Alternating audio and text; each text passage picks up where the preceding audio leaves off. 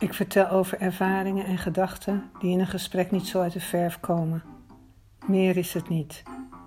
Day by day 9. De ontdekking van een diersoort. Ik maak een vroege ochtendwandeling in het park. Het is voorjaar en het is fris. Een dampige nevel hangt boven de graslanden. Een man met badslippers aan laat zijn hond uit. Hij groet me vriendelijk. Ik knik terug.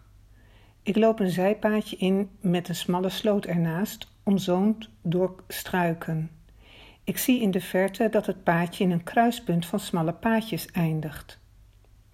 Precies in een van de hoeken van het kruispunt staat in het weiland een heel grote boom. Er zitten een stuk of vijf vogels in. Naarmate ik dichterbij kom, worden de vogels steeds groter. Uiteindelijk blijf ik midden op het kruispunt staan om de vogels te bekijken. Komt het door de serene rust dat ze alle vijf op hun tak blijven? Meestal vliegen vogels bij mij weg. Nu ik ze rustig kan bekijken, zie ik dat het eenden zijn. Ja, echt vijf eenden in een boom.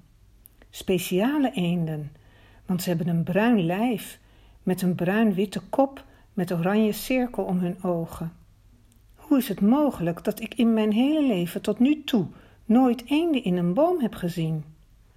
Thuisgekomen tik ik vol verwondering bij Google in: waarom zitten eenden in een boom? En dan ontdek ik deze voor mij nieuwe diersoort, de nijlgans, die zijn nest bouwt in een boom.